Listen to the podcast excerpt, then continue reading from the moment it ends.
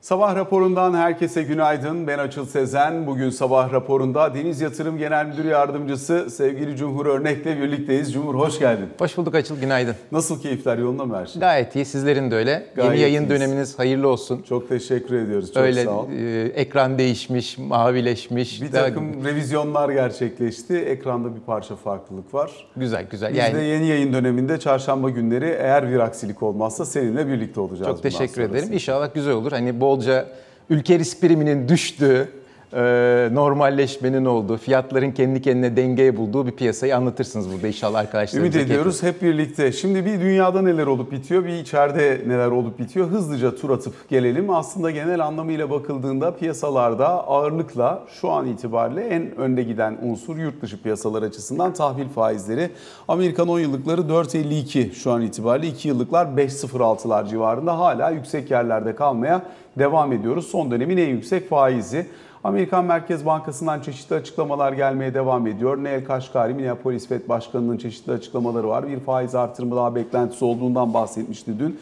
Bugünse özellikle bir yumuşak iniş beklentisine ilişkin rakam vermiş. %60'lar civarında böyle bir ihtimal gördüğünü ifade ediyor. Diğer taraftan yine farklı Fed başkanlarından da açıklama gelmeye devam ediyor. Örneğin Michelle Bowman'ın açıklamaları var. O da e, şu an itibariyle fiyatlarda yaşanan gelişmelerin e, ve özellikle örneğin gayrimenkul piyasasında kira yüksekliklerinin veya e, ev almak için ödenecek olan kaynakların ne kadar fazla olma ihtiyacının gerçekleşmiş olması. Yani çok pahalı evler, çok pahalı kiralar var. Dolayısıyla Fed'in bu soğuma politikası aslında bunları da dizginleyebilmek adına son derece önemli diyor. Diğer taraftan yine Avrupa Merkez Bankası cephesinden gelen açıklamalar var. Orada da Robert Holzman'ın açıklamaları var. Bir başka faiz artırımını daha göz ardı edemeyiz diyen. Bunlar da dikkate değer unsurlar. Çin konusunda beklentiler aşağı revize edilmeye devam ediliyor büyüme çerçevesinde. E, 5.1'den 5'e çekilmiş gibi görünüyor genel anlamıyla. HSBC, Morgan Stanley ve Citi'den yine e, bu büyüme hedefini tutmayacağına dair raporlar gelmiş durumda. Diğer taraftan yine özellikle orada da gayrimenkul piyasası ve ev satışlarının ciddi anlamda geriye gelme yönündeki beklentisi e, ciddi bir problem olarak kalmaya devam edecek gibi görünüyor. Diğer taraftan tabii tahvil faizleri yüksekken iki tane önemli unsur var. Bunlardan bir tanesi Hisse senedi değerlemelerinde bir bozulma dikkat çekiyor. E, belli başlı IT sektörü hisseleri haricinde çok kuvvetli kalmayı başarabilen de yok gibi duruyor şu anda. Dolayısıyla bu düzeltme eğilimi nereye kadar gidebilir ki düzeltme konisine kadar girmiş durumda şu an itibariyle Amerikan hisse senetleri. E, nereye kadar devam edebilir bir yandan buna bakıyoruz. Öte yandan da özellikle tahvil faizleri yükselince Amerika'da bankalardan 1994'ten bu yana en yüksek mevduat çıkışının gerçekleştiğini görüyoruz. Faizin daha yüksek olduğu tahvil çerçevesine doğru bir yönelim var. Bankalar hani bir yandan e, mevduat tarafında zaten bankaların selametiyle ilgili tartışmanın da olduğunu e, hatırlatalım. Bu ikisi birleşince biraz daha güvenilir tarafa yani Amerikan tahvillerine doğru yönelim artıyor gibi görünüyor. Cumhur genel olarak dışarıyı biraz böyle özetlemeye çalıştık. Bu tahvil faizleriyle bir başlayalım istersen. Çünkü hani Fed bir faiz daha artırır artırmaz çok mühim değil ama faizin ne kadar süre burada kalacağı konusundaki beklenti giderek daha uzuyor. Dolayısıyla fiyat baskısı e, istihdam piyasasındaki yumuşama net ve bariz olarak görülene kadar ki genel olarak da 2024'ün ikinci çeyreğine sarkmaya başladı buradaki beklentiler. Fed burada katı kalmaya devam edecek gibi bir algı var. Geç başladılar, sonra e, birden vitesi yükselttiler. Belli noktada bizler de mesela iş değiştirirken maaş odaklı bakıyoruz. Ama o maaşı kaç yıl boyunca alacağımızı süre boyunca çarpanı esasına maksimize etmek gerekirken biz bazen sadece maaş özelinde odaklanıyoruz. Senin anlattığın hikayede de baktığımızda biz sadece esasında bu zamana kadar kısa vadeli faizlerde paranın maliyetinde bir yükseliş gördük ve burada hani böyle bazı halka arz edilen hisseler gibi hızlı bir çıkış sonra da hızlı bir geri geliş mi olacak fiyatlanırken esasında tam tersi oluyor. Yani çarpan burada hani bu nominal faizin yanına kaç yıl boyunca orada kalacak hikayesini eklediğimiz zaman hikaye bambaşka bir yere bürünüyor. Bu da geçtiğimiz dönemde işte bu faizleri, 10 yıllık faizleri seninle burada olduğumuz zaman e, hisse senedi temettü gelirleriyle karşılaştırıyorduk. Aa 2'nin 2,5'un üzerine gitmiş artık buradan hisse senetlerine talep gelir mi gelmez mi? Şimdi orada daha fazla kurumsal yatırımcı bireysel emeklilik olduğunu düşündüğümüzde fiyatlama e, alışkanlıklarının da daha temel faktörleri oturacağını tahmin ettiğimizde işte temettüyle yarıştırıyorduk. Şimdi senin de söylediğinden sabah söyleminden çıkarttığımızda şimdi mevduat hani bırak e, şirketlerle yarış etmeyi artık hani iş bir noktadan sonra mevduattan kayıp tahvillere doğru kaymaya başladı.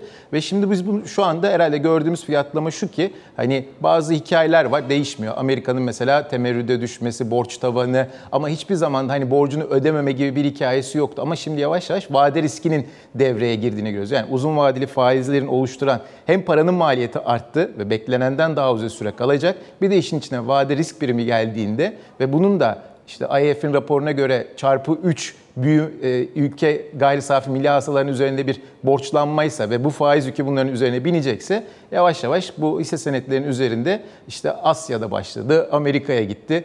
Kapı gıcırtısına 130 seviyesinin üzerine giden VIX dün kımıldamaya başlamış. Daha yeni 18'lere gelmiş. E, dolayısıyla bu böyle bir fiyatlamanın içerisinden geçeceğiz gibi gözüküyor. Şimdi özellikle S&P'nin raporu işte biraz önce söylediğim gibi mevduatlara dönüp baktığımız zaman 1994'ten bu yana en sert düşüş %5 aşağı gelmiş. Yani e, özellikle işte Haziran sonu itibariyle baktığımızda oldukça kuvvetli bir e, çekilme olduğunu söyleyebiliriz. Bir yandan da genel e, çerçevede Amerika'da likidite daralması da yaşanıyor. Yani özellikle Fed'in sadece faiz artırımlarıyla değil bilanço küçültmeyle de likidite üzerinde de belli ölçüde oynama yaptığını görüyoruz. Hala çok aşkın likidite var piyasada elbette.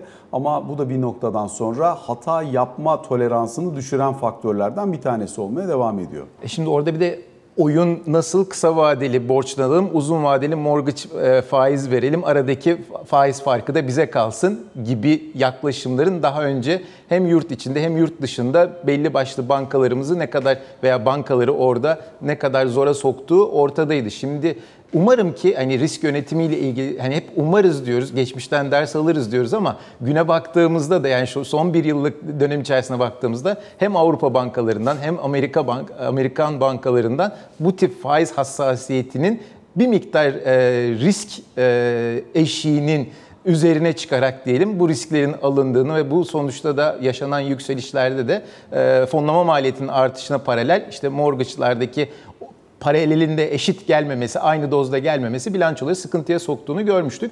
Dolayısıyla şu an onu öyle bir fiyatlama yok. Teknoloji firmaları bir ölçüde yapay zeka ile birlikte ayakta kalmaya devam ediyor. Ama mesela bunun belki yanına altını da koyabilirsin. Hani nereye kadar dayanırlar sorusu o birazcık kafalarda soru işareti. Çünkü beklentiler hep ötelenmeye başlayacak gibi gözükmekte. Söylediklerin üzerinden iki soru sorayım. Bir tanesi mesela e, özellikle Jamie Dimon, e, JP Morgan'ın CEO'sunun dün bir açıklaması vardı. Faiz diyor sıfırdan ikiye gittiği zaman bu hiçbir şey değil. İnsanların hayatında da, bankaların hayatında da, şirketlerin hayatında da bir şey değiştirmez.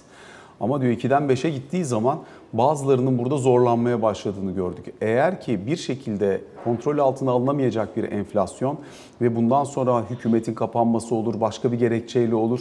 Daha fazlasını yapmak gerekirse örneğin işte şu anda 5'e gelmiş olan politika faizinin 7'lere doğru gitmesine dünyada hiç kimse hazır değil. Dolayısıyla bu programın bir şekilde başarıyla sonlanması, enflasyonun da başarıyla sönümlenmesi lazım. Yoksa çok ciddi bir problemle karşı karşıya kalabiliriz diyor. E şimdi hani bin, burada şimdiye kadar sadece paranın maliyeti üzerinden yaratmış oldukları ve herkes de bunu biliyordu. Yani enflasyon aşağıya geldiği zaman FED öyle ya da böyle bu paranın maliyetini aşağıya çekecek. Bu da uzun vadeli faizleri aşağı çekecek. Herkese bir derin nefes aldıracak. Ama konu işte hiç beklemediğimiz şeylerle karşılaşıyoruz. Yani 2020'den bu zamana kadar geldiğimizde hani işte 2020'de salgınla karşı karşıya kaldık.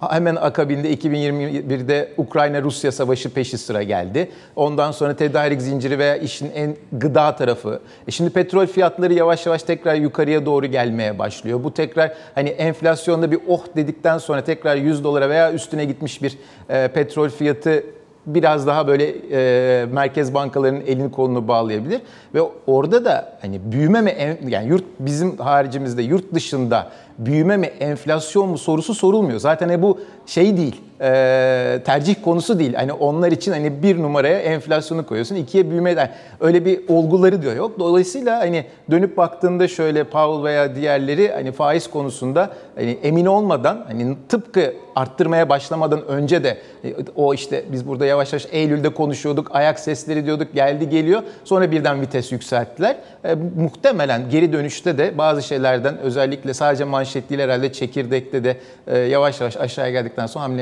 yapacaklardır. Biraz önce bir de AI şirketlerinden bahsettin. Teknoloji şirketlerini ayakta tutuyor diye. OpenAI e, bu son dönemde zaten yapay zeka konusunun parlayan yıldızı. E, tabii Microsoft'un da önderliği var orada. Bu da önemli faktörlerden bir tanesi. Diğerlerinin çok önüne çıkartıyor şirketi. E, yeni bir tur e, para çekmek için e, hisse satışı gerçekleştiriyorlar.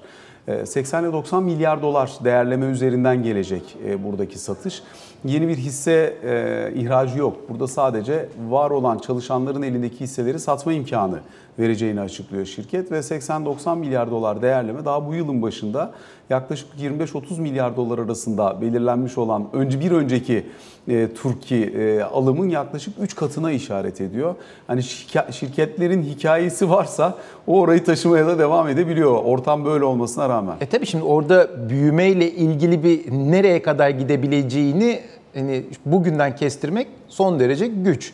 Biz bu teknolojiyle belki daha öncesi vardı, biz bunu yeni gördük ama yani geriye dönüp baktığımda hani 6 ben kendi kullanımımda 6-7 ay oldu. Çok da fazla geriye gitmiyor. E işimizi kolaylaştırıyor mu? Pek çok açıdan kolaylaştırıyor. Daha güzel, daha e, görünür, daha keyifli hale getirmiyor mu? Evet getiriyor. Burada herhalde konu şu olacak. Hani bu sonsuz bir güven şeklinde oraya gitmektense oradan gelinin bir de tasdiklenmesi var.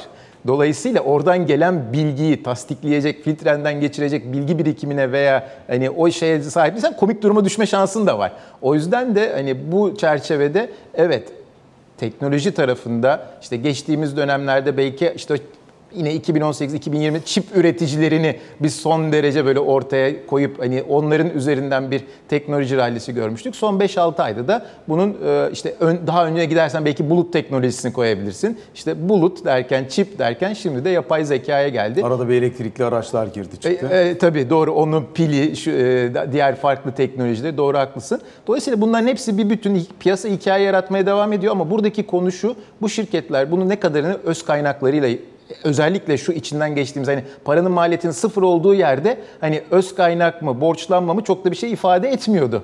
Ee, tıpkı bugün bankalarımız açısından vadesiz yaratmak potansiyeline sahip ürünleri olan belki bizim bankalarımız pat pat pat öne çıkacaklar. Çünkü eskiden faizlerin işte politika faizinin 10 ile 20 arasında dolandığı yerde vadesiz yaratınca çok farklı karlılıkta bir yere gidemiyordun. Ama şimdi mevduat maliyetlerinin 40'a 45'e hatta 50'ye geldiği ortamda eğer vadesiz ürün e, vadesiz mevduat yaratabilecek ürünleriniz varsa bir, bir hemen bir adım öne geçeceksiniz. Şimdi istersen biraz Türkiye tarafına da geçelim yavaş yavaş. Çünkü dün itibariyle İstanbul Sanayi Odası'nın 500 büyük şirket listesi yayınlandı. Önce çıktılarında neler vardı ona dair bir bandımız var. Onu izleyelim. Sonra bir miktar bunun üzerine konuşalım. İstanbul Sanayi Odası'nın 500 Büyük Sanayi Kuruluşu sıralaması 2022 sonuçları açıklandı. ISO 500 çalışmasında 2022 yılında üretimden satışlara göre en büyük sanayi kuruluşu 418.4 milyar lirayla TÜPRAŞ oldu. 2022 sıralamasında ikinci büyük sanayi kuruluşu 189.2 milyar lirayla Star Rafineri oldu. Üçüncü sırada ise 140.1 milyar liralık üretimden satışlarıyla Ford Otomotiv yer aldı. Araştırmaya göre ISO 500'de üretimden satışlar 2022 yılında %119 oranında artarak 2 trilyon 48 milyar liradan 4 trilyon 485 milyar liraya yükselirken ilk 100 firmanın ISO 500 içindeki payı ise %65'lere ulaştı. ISO 500'ün ihracatı ise %14.1'lik artışla 98 milyar dolara yaklaştı. ISO 500'ün ihracat artışı Türkiye genelinin 1.2 puan üzerinde gerçekleşti. ISO 500'ün Türkiye sanayi ihracatı içindeki payı %40'lar civarında gerçekleşti. ISO 500'ün 2022'de faaliyet karı %96 oranında artarak 342 milyar liradan 671 milyar liraya çıkarken faiz, amortisman ve vergi öncesi kar %100'e yakın bir artışla 405 milyar liradan 808 milyar liraya yükseldi.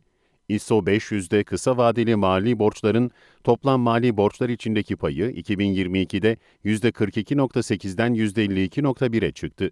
İSO Başkanı Erdal Bahçıvan, yıl sonu tüketici enflasyonundan arındırıldığında üretimden satışların reel olarak 2021 yılına göre %33.3 ile oldukça yüksek bir artış sergilendiğine dikkat çekti. Bahçıvan, 2022 sonuçlarının tüm karlılık rasyolarında geçen yıla göre daha düşük bir kar yılı geçirildiğini gösterdiğini söyledi. Şimdi Cumhur ISO 500 listesi Türkiye'nin hani yüz akı çalışmalardan bir tanesi diyebiliriz. Hakikaten Türkiye'de sanayiye ilişkin fotoğrafı yıllardır, yıllar yılı e, çok doğru şekilde gösteren, yansıtan bir e, rapordur ISO 500. Emeği geçen herkese tebrik etmek, teşekkür de etmek lazım. Bu geleneği sürdürdüğü için İstanbul Sanayi Odası'ndan. Neler var içerisinde? Hani zaten rakamları biraz önce gördük. Fakat özellikle son iki yıldaki e, o şirketlerin ucuz fonlanmasına ilişkin e, dinamiğin ve uygulamaların sanayi şirketlerinin bilançolarında yarattığı etkiyi çok doğrudan görebiliyoruz. Çok ciddi anlamda bir e, hani finansal borçların vadesinde kısalma var. Çünkü geçtiğimiz dönem aslında borçlanmanın çok ucuzladığı ama fonlamanın kısa vadeye döndüğü bir dönemde onun etkisini görmüşüz. Firmaların cari oranlarında önemli değişiklikler var. E, belli başlı alanlarda iyileşmeler, belli başlı alanlarda da bozulmalar var. Ama net nette gayet iyi şirketler açısından elbette buradaki tablo. Hani içindeki önemli unsurlardan bir tanesi ihracat rekorunun kırılmış olması. Sanayi mallarının toplam ihracat içindeki payı neredeyse %97'lere gelmiş durumda. Bununla birlikte yine e, toplam mali borçların e, borçların mali borçların toplam borçlar içerisindeki payı %51.9'a kadar gerilemiş. Borçların öz kaynaklara oranı %245'lerden %180'lere doğru gelir, e, gerilemiş. Diğer taraftan da özellikle e, kısa vadeli mali borçlanma ilk defa %50'nin üzerine çıkmış. Ama bunlar muhtemelen geçici. Çünkü bu 2022'yi yansıtıyor. Yeni para politikası dönemini yansıtmıyor buradaki veriler. Hani 2022 fotoğrafı üzerinden baktığımızda son bir not şunu söyleyebilirim. Dün hatta İstanbul Sanayi Odası Başkanı Erdal Bahçıvan'ın konuşmasında da bence en çok öne çıkan konulardan bir tanesiydi. Reel bakmak lazım elbette üretimden satışlardaki artışa.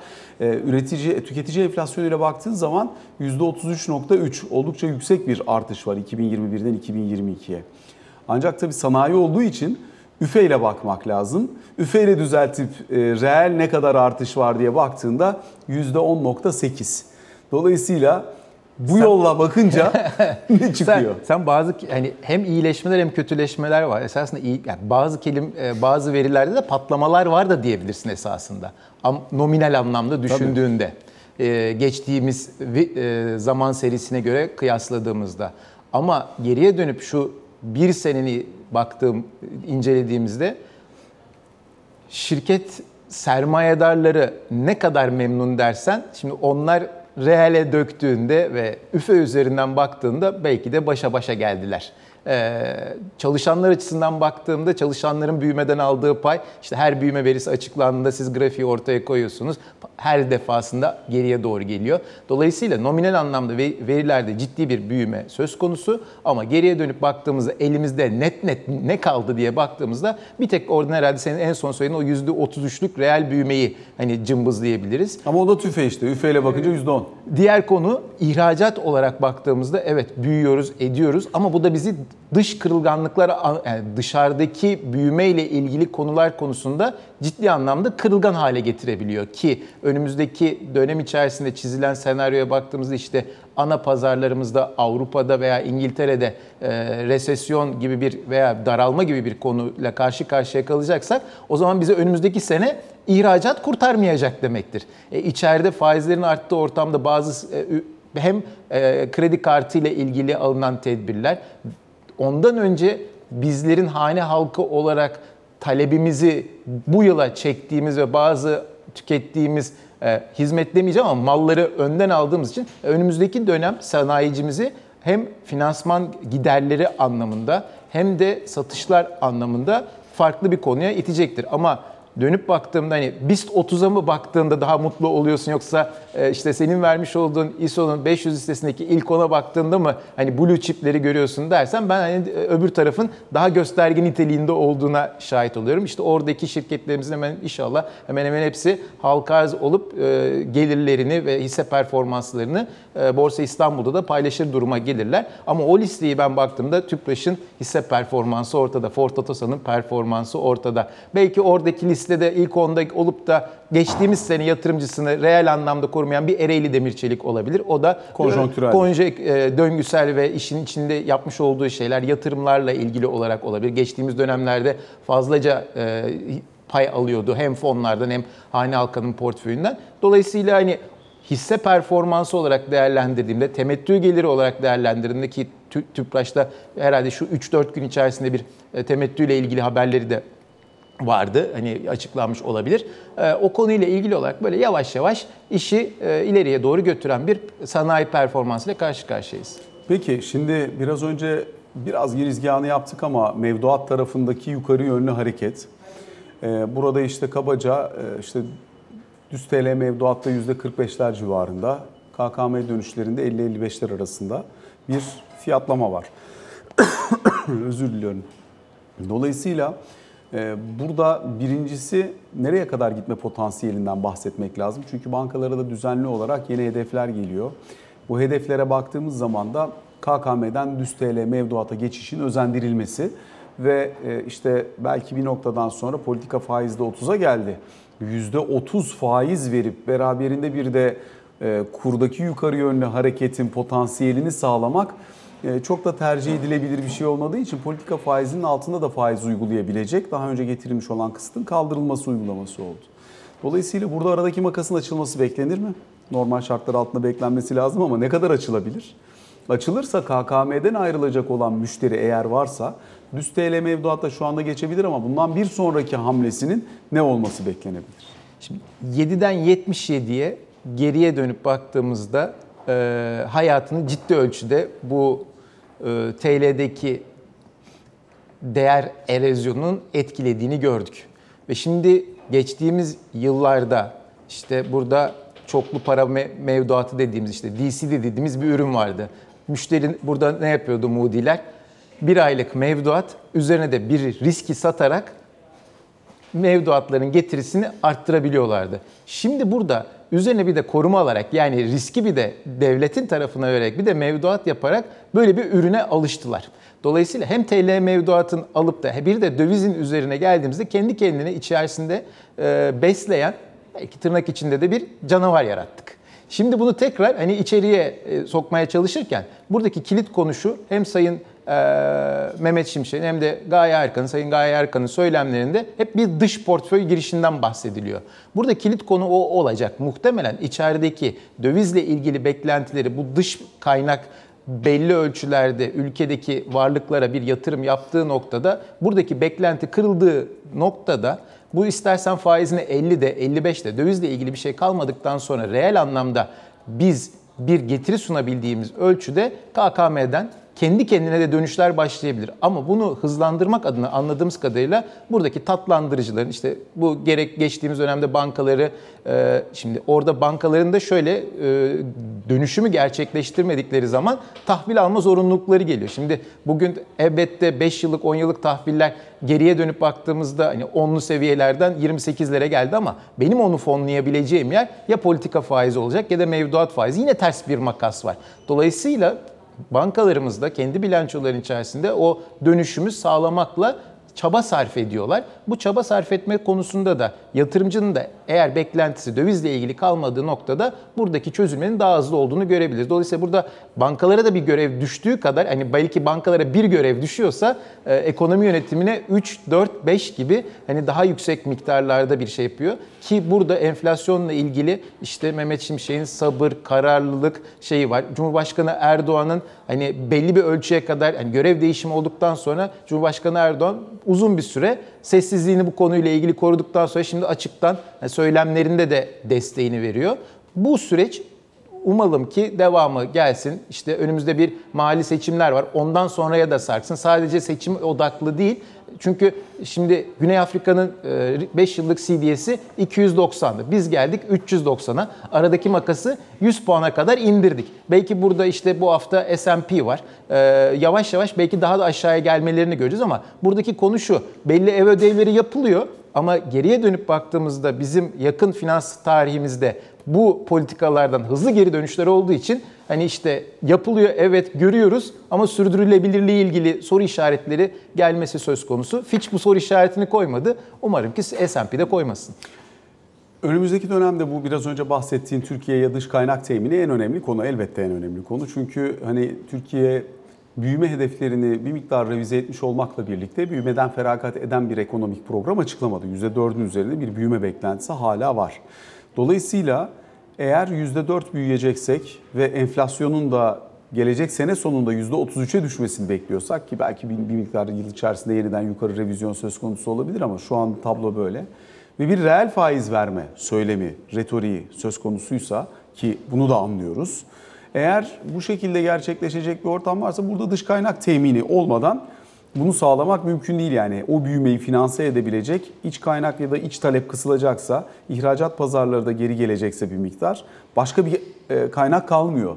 Dolayısıyla bu e, dış kaynak temininde son dönemde verilen mesajların e, bir noktadan sonra akıma dönüşmesi nasıl gerçekleşebilir? Ne kadar vade içerisinde gerçekleşebilir? Bir de bunu sağlayabilecek koşulların önemlilerinden bir tanesi swap kanalının açılması ya. Yurt dışına swap kanalının açılması, kısıtların kaldırılması. Tam ağzından ee, şunu aldın esasında. Yani dövize döviz olacaksa hiçbir problem yok ama TL dediğin zaman işin orada içerisinde... problem oluyor ister istemez. Onun için bu swap konusu çok belirleyici olabilir. Hani politika faizi işte 20'lerdeyken bunu yapmak kolay olmayabilirdi ama Şimdi politika faizi işte 30'a geldi. Belli bir noktadan sonra eğer reel faiz diyorsak belki 35'lere doğru gitmesini konuşacağız. O ortamda artık bir de swap kanalının açılması, TL'nin açığa satılması riskini ortadan kaldıracak bir şekilde, e, hani en azından bundan emin olunacak bir şekilde söz konusu olabilir mi? Şimdi birinci konu şu, hani biz dolarla borçlanmaya kalktığımız zaman orada bir problem olacağını düşün, düşünmüyorum. Çünkü hani belirgin ölçüde bir risk birimi koyup kimsenin ortaya konmadığı, borcunun geri ödeme konusunda da sıkıntı yaşamayacağın bir getiriyi yatırımcılara sunuyorsun. Ve belki burada dış portföyle ilgili şu an sadece körfez sermayesini konuşuyoruz ama yapılan iletişimlerle işte geçtiğimiz hafta Amerika sen oradaydın. Ondan sonra diğer ölçeklerde baktığımız hani Avrupa'sı, işte Japon samuray piyasası bunu çeşitlendirmek adına atılmış olan çeşitli adımlar söz konusu. Ama dönüp baktığında bunların TL varlıkları ile ilgili olduğu konuya gelecek olursak şimdi TL'yi sen neden hani shortlama hissiyatında bulunursun?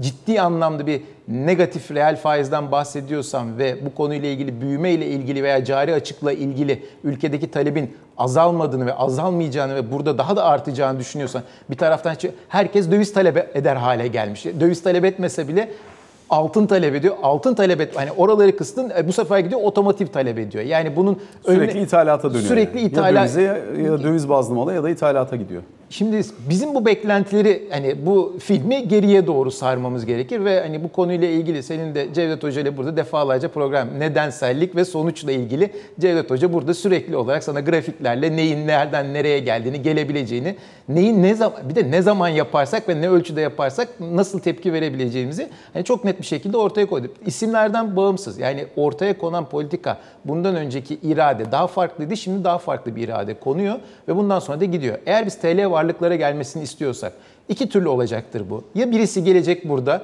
kur riskini alarak o dövizini satacak. Eline bir TL gelecek. O TL ile de gidip herhangi bir yatırım yapacak. İşte bu ister tahvil olur, ister bon olur, ister hisse senedi farklı bir noktada. Ama bu kişi şunu bilmeli ki ben buradan çıktığımda hani bırak fiyatını ben o dövizi gerçekten geri alabilecek miyim? Yani o ilk başta sözü açarken hani piyasaların kendi kendine denge bulmasından diye hani atıfta bulunduğum yer esasında döviz piyasası. Yani kendi kendine o miktarda o dövizi al- alabilecek. Şimdi biz bu döviz kurunu gerçekten riskini aldırıp burada bir yatırıma kafalarda soru işareti vardır bence. Yani ben geleyim işte Edirne'den kapıdan gireyim. Çok kolay değil o tabii. Dolarımı satayım, TL'mi alayım. Ondan sonra bununla da bir şey yapayım. E ben bunu geriye döndürmek istediğim zaman işte hangi fiyattan o miktar gerçekten bir de bulabilecek miyim? Şimdi bu bir birinci soru. O zaman geriye kalıyor senin sorduğun hani açtığın kapı swap kanalı. E, swap kanalı ile ilgili olarak geçtiğimiz dönemde belli dönemlerde işte faizlerin politika faizinden hem eksi hani daha altında ve veya çok çok üzerinde e, şeylerle karşılaştığımızı görebildik. Artı bazen faizini ödemeye razı olduğun miktarı bile bulamayabiliyorsun. Yani o yüzden de faizin işte işte politika faizi 15-20 iken işte yurt dışında swap faizinin 100, 500, 1000 gibi rakamlara geldiğini gördük. E şimdi ben burada ne kadarlık bir getiri arıyorum ve oldu da bir hafta ben o pozisyonu yüzde binle fonladığımı düşünürsem elimde ne kalacak? Tabii. Dolayısıyla hani bunları yaşadıktan sonra ben yani şununla da bir şey yapayım. Şimdi mesela hepimizin işte Bloomberg'de veya farklı terminallerde takip ettiği e, işte para birimleri var, hisse senedi var, endeksler var. Bir noktada biz bu yatırımcıları da küstürdük. Ben önlerinde dahi XU100 e, ticker'ının e, olmadığını düşünüyorum belli başlı. Hatta bu kredi derecelendirme kuruluşlarından da olamadığını da düşünüyorum. Dolayısıyla bizim yavaş yavaş önce o hani ya- yabancı yatırımcı XU100'ü hani o monitörlerine alıp oradaki fiyat hareketlerini takip ettikleri ve hani orada da endeks mühendisliğinden ziyade çünkü bizde orada da şimdi belli bir noktaya da geliyorsun. Bir hisse senedinde pozisyon alıyorsun. Bunun endeksle diyorsun ki hani riskini almayayım, piyasa riskini almayayım. Gideyim endeks 30'u da kısa pozisyon alayım ikisi. Ama öyle farklı şeylerle karşılaşabiliyorsun ki sonuçlarla karşılaşabiliyorsun. Dolayısıyla bu denge bir şekilde hani oturtulabilirse daha rasyonel yatırımcıların e, piyasada işlem yaptığını görüyoruz. Bu da aşırılıkları da önleyecektir açılı. Yani e, önümüzdeki Yabancı her zaman dengeleyici sonuçta. Piyasadaki aşkın hareketleri de engelliyor. E tabii Doğru. şimdi önümüzdeki hafta hani Türkiye Sermaye Piyasaları Birliği'nin bir kongresi var. Şimdi 7 milyon yatırımcıdan bahsediyorsun. Bakalım o 7 milyon yatırımcı o kongreye ne kadar ilgi gösterecek. Online olacak kongre bakalım. Çok teşekkür ediyoruz Cumhur. Örnek bu notlar için. Kısa bir ara sonrasında Can Türkoğlu ile ikinci bölümde karşınızdayız.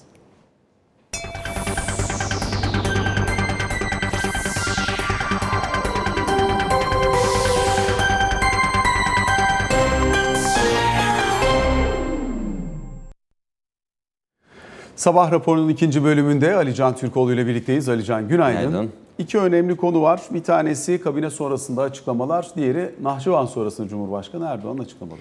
Şimdi kabine sonrasındaki açıklamalar zaten aslında dün de sabah konuşmuştuk seninle. Ee, emekli konusuyla ilgili de kentsel dönüşüm konusuyla ilgili de bunların görüşüldüğünü konuşulduğunu biliyoruz ama bunlarla ilgili zaten somut açıklamayı dün beklemiyorduk. Ama bundan sonraki süreçte e, yapılacak çalışma e, doğrultusunda özellikle meclisin açılmasıyla beraber 1 Ekim'de açılıyor.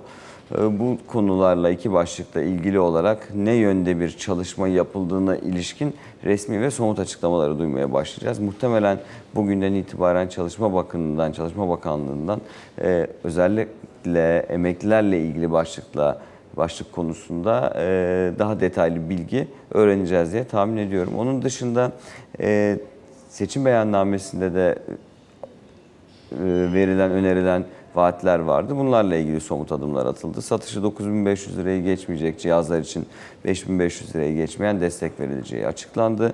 Cep telefonu için piyasa fiyatının %44.4'üne, bilgisayar için de %16.7'sine kadar destek verilecek. Bunları zaten söylemişti. Oranlar belli değildi. Bu e, netleşti. Üniversitelere 12 ay boyunca e, 10 GB internet tin e, bedava verileceği konusu var. Bu da netleşmiş durumda. E, Meclisin açılmasıyla beraber gelecek kanun tekliflerinden birisi özellikle aileye, gençliğe yönelik bir kanun teklifiydi. Yeni evleneceklere e, faizsiz kredi verileceği e, bu kanun teklifiyle beraber söylendi. E, genel olarak bakıldığında da ekonomi yönetimiyle ilgili temel hedefin sürdürülebilir bir büyüme olduğunu bir kez daha tekrarlıyor Cumhurbaşkanı ve kalkınma planı ve hükümet programının da yakında zaten kamuoyuyla paylaşılacağını söylüyor. Nahçıvan dönüşü açıklamalara gelirsek daha çok e, dış politikanın ve ekonominin bir araya geldiği ve bizim zaten günlerdir başlıklarını aktardığımız konularla ilgili değerlendirmeleri var. Yani birincisi F-16 konusu Amerika.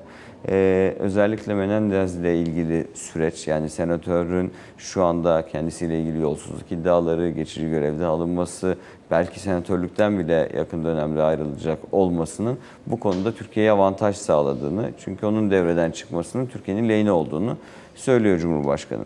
Ee, bunun dışında e, Ermenistan-Azerbaycan konusuyla ilgili olarak Zengezur koridoru ile ilgili yakın zamanda adım beklendiği, özellikle İran'ın bu konudaki olumlu mesajlarının süreci çok hızlandıracağı söyleniyor. Hatta önümüzdeki günlerde e, İran'dan yetkililerin bu konuyla ilgili olarak Türkiye'ye gelebileceği de söylendi. E, böylece de ilişkilerin yani hem yolların açılmasıyla, kara demir yollarıyla beraber de ilişkilerin daha güçlü olacağı vurgulanıyor Ankara tarafından. Muhtemelen Ekim veya Kasım ayında Netanyahu gelecek. Önce Netanyahu gelecek, sonra Erdoğan gelecek bilindiği gibi. Burada da enerji konusundaki işbirliği ki ortak sondaj çalışmaları başta olmak üzere e, yeni adımlar belirlenecek gibi gözüküyor. Takvimlendirme rotada Netanyahu'nun geldiği toplantıda sanki belirlenecekmiş, netleşecekmiş gibi gözüküyor. Ee, bunun dışında da zaten ekonomi başlıkları var. Yani enflasyonla mücadele kapsamında üretim ve yatırımla mücadeleye güç katılacağı vurgusu zaten ekonomi yönetiminin arkasında olduğunu birçok platformda dile getirmişti. Ee, onun dışında da e, yeni anayasa ile ilgili de bir kararlılık mesajı veriliyor meclisin açılmasıyla beraber. Aslında genel olarak bizim son 20-25 gündür belki de başlık başlık saydığımız tüm konuların bir detaylı özeti gibi olmuş Nahçıvan dönüşü yapılan açıklamalar. Bundan sonraki yapılacak görüşmelerle aslında bir adım yukarının neresi olduğu, İsrail ile ilişkiler, Yunanistan'la ilişkiler, Amerika Birleşik Devletleri konusu, tahıl koridoru konusu tüm bunlarla ilgili bir sonraki görüşmeye e, bir atıfta bulunuluyor. Görüşmeler oldukça bu konularla ilgili de yeni gelişmeleri zaten aktaracağız. Çok teşekkür Ben ediyoruz Ali Can. Böylelikle sabah raporuna bugün için son noktayı koymuş oluyoruz. Hoşçakalın.